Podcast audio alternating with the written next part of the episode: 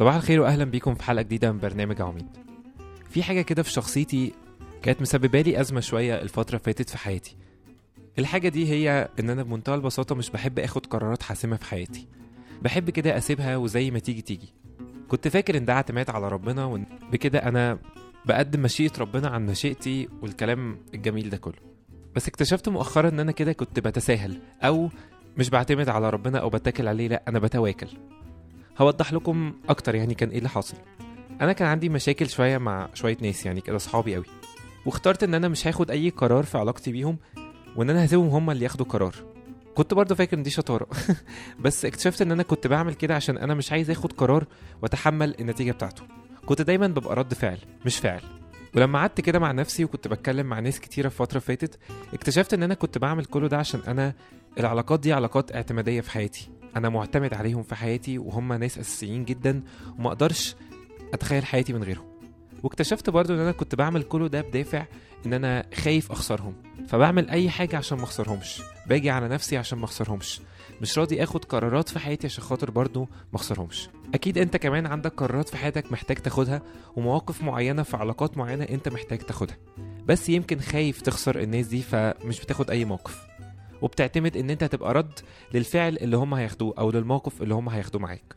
تعالوا نبتدي الحلقة بتاعتنا بترنيمة افتح قوى السماوات ونرجع نشوف إيه الحل للمشكلة اللي إحنا فيها دي. افتح قوى السماوات لسكيبك سكيب الروح.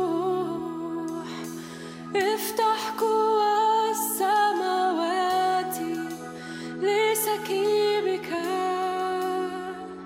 سكيب الروح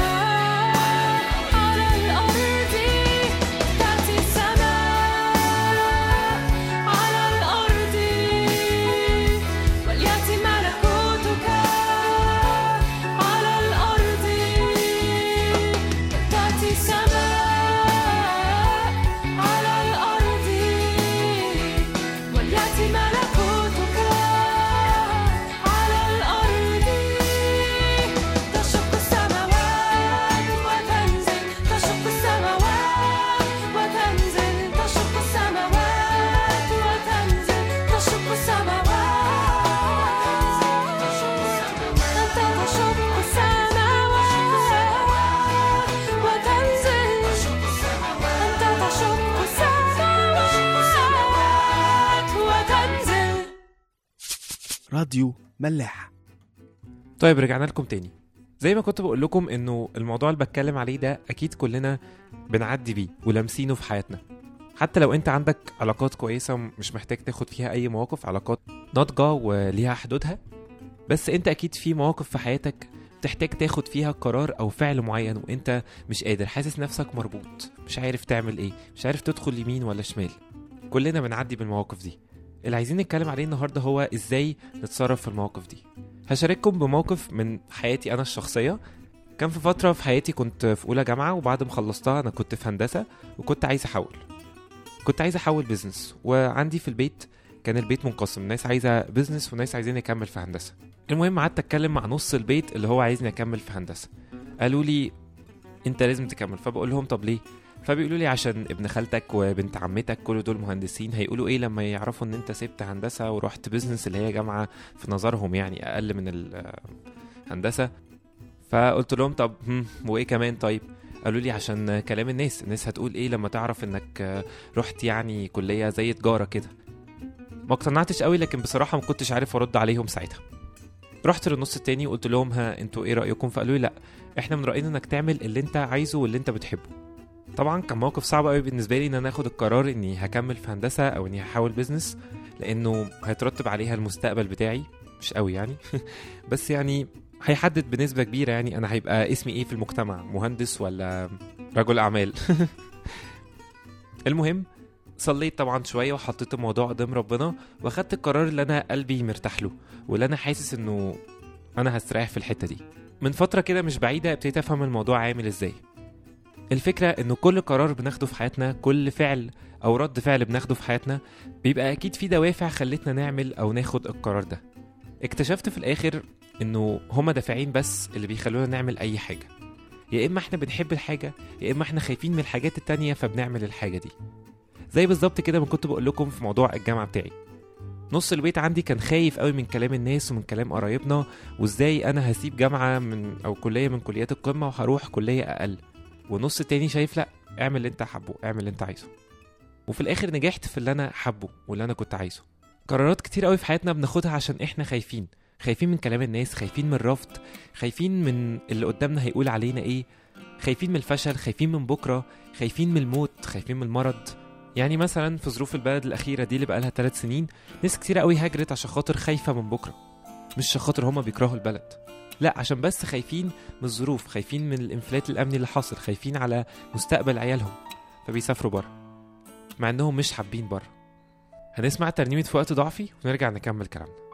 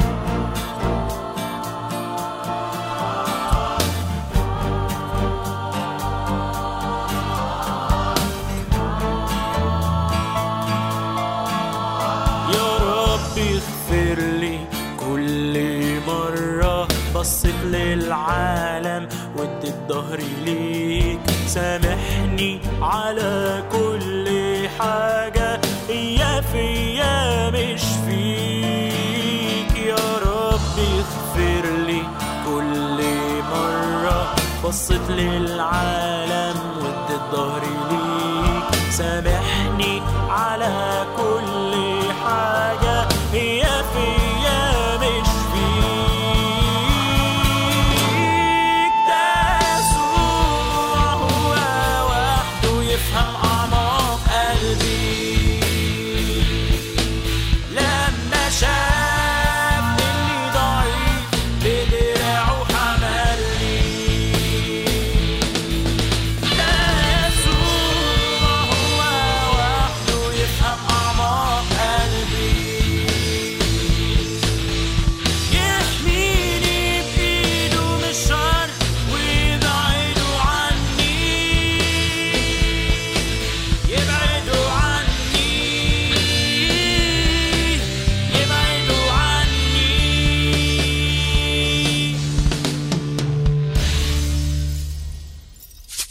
راديو ملاح طبعا كلكم عارفين إنه من ثلاث سنين حصل حادثة مشهورة قوي هي حادثة كنيسة القديسين.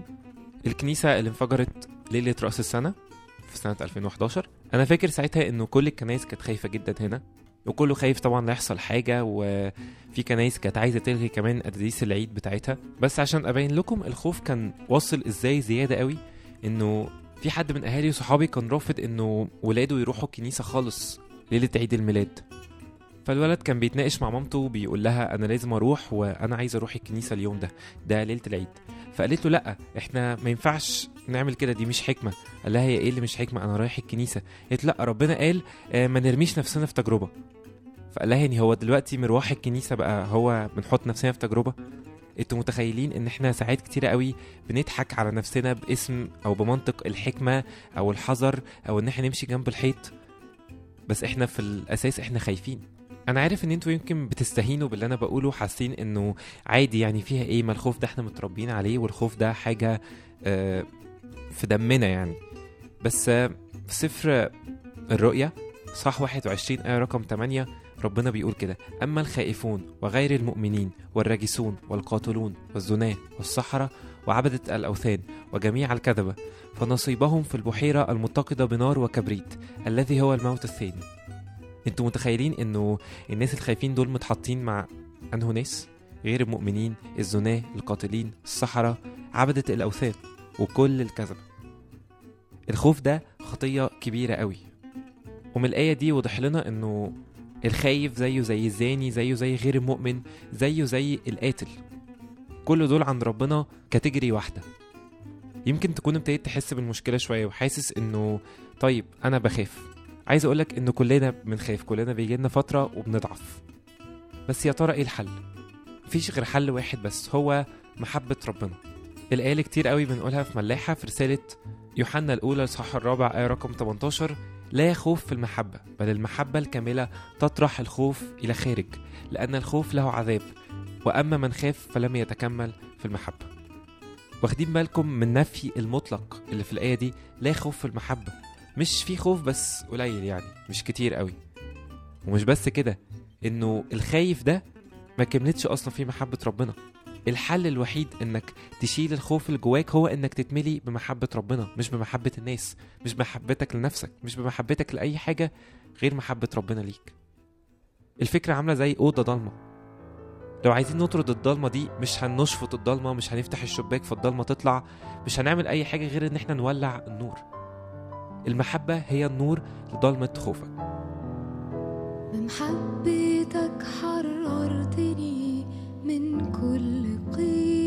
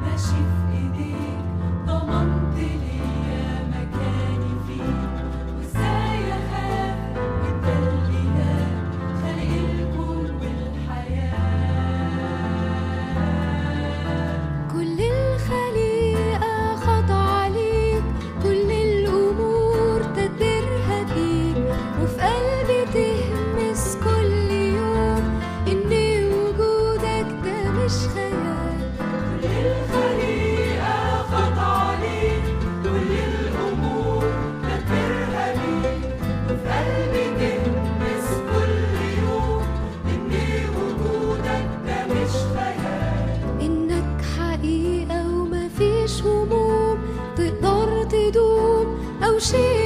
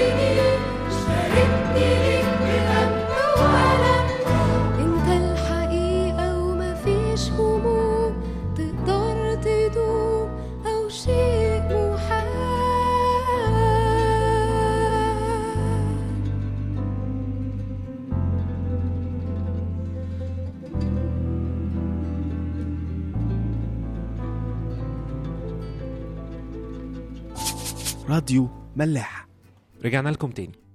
طيب برضو إيه الحل عشان خاطر ما نبقاش بنخاف؟ إن إحنا نحب إن إحنا نعمل كل حاجة بحب. بولس في كورنثوس الأولى صح 13 اللي هو صح المحبة بيتكلم كده في أول ثلاث آيات وبيقول إنه لو بعمل أي حاجة من غير محبة يبقى ملهاش أي لازمة. لو أنا بخدم كتير لو أنا جبت ناس كتير لربنا لو أنا بوعظ لو أنا بصلي لو أنا بعمل أي حاجة بس مش بعملها بحب مش بعملها بدافع إني بحب ربنا وبحب الناس اللي أنا بخدمهم أو بصلي لهم يبقى كل ده ملوش لازمة. تعالوا نقرأ مع بعض هو قايل إيه. بيقول إن كنت أتكلم بألسنة الناس والملائكة ولكن ليس لي محبة فقد صرت نحاسا يطن أو صنجا يرن.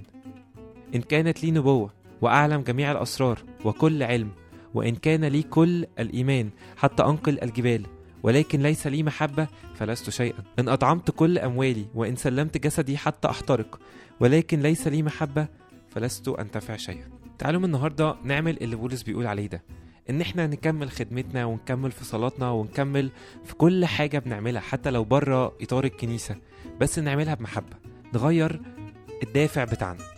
لو عايز تكلم حد معين روح كلمه بدافع إنك بتحبه مش بدافع الواجب ومش بدافع إنك لازم تعمل كده ومش بدافع إنك خايف لو ما رحتش اتعرفت عليه يفتكر إنك شخص رخم.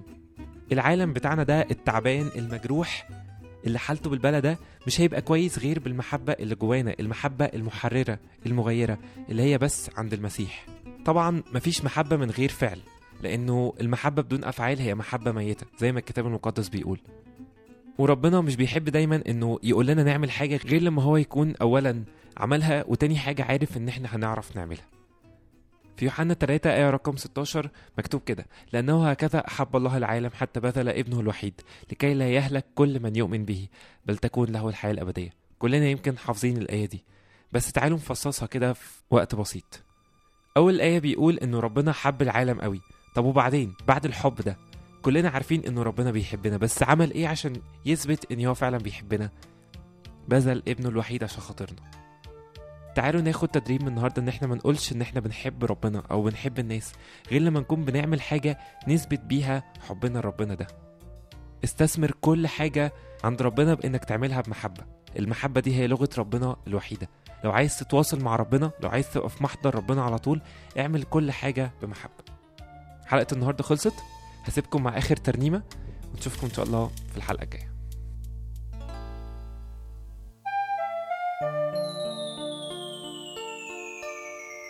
أحبك ربي يسوع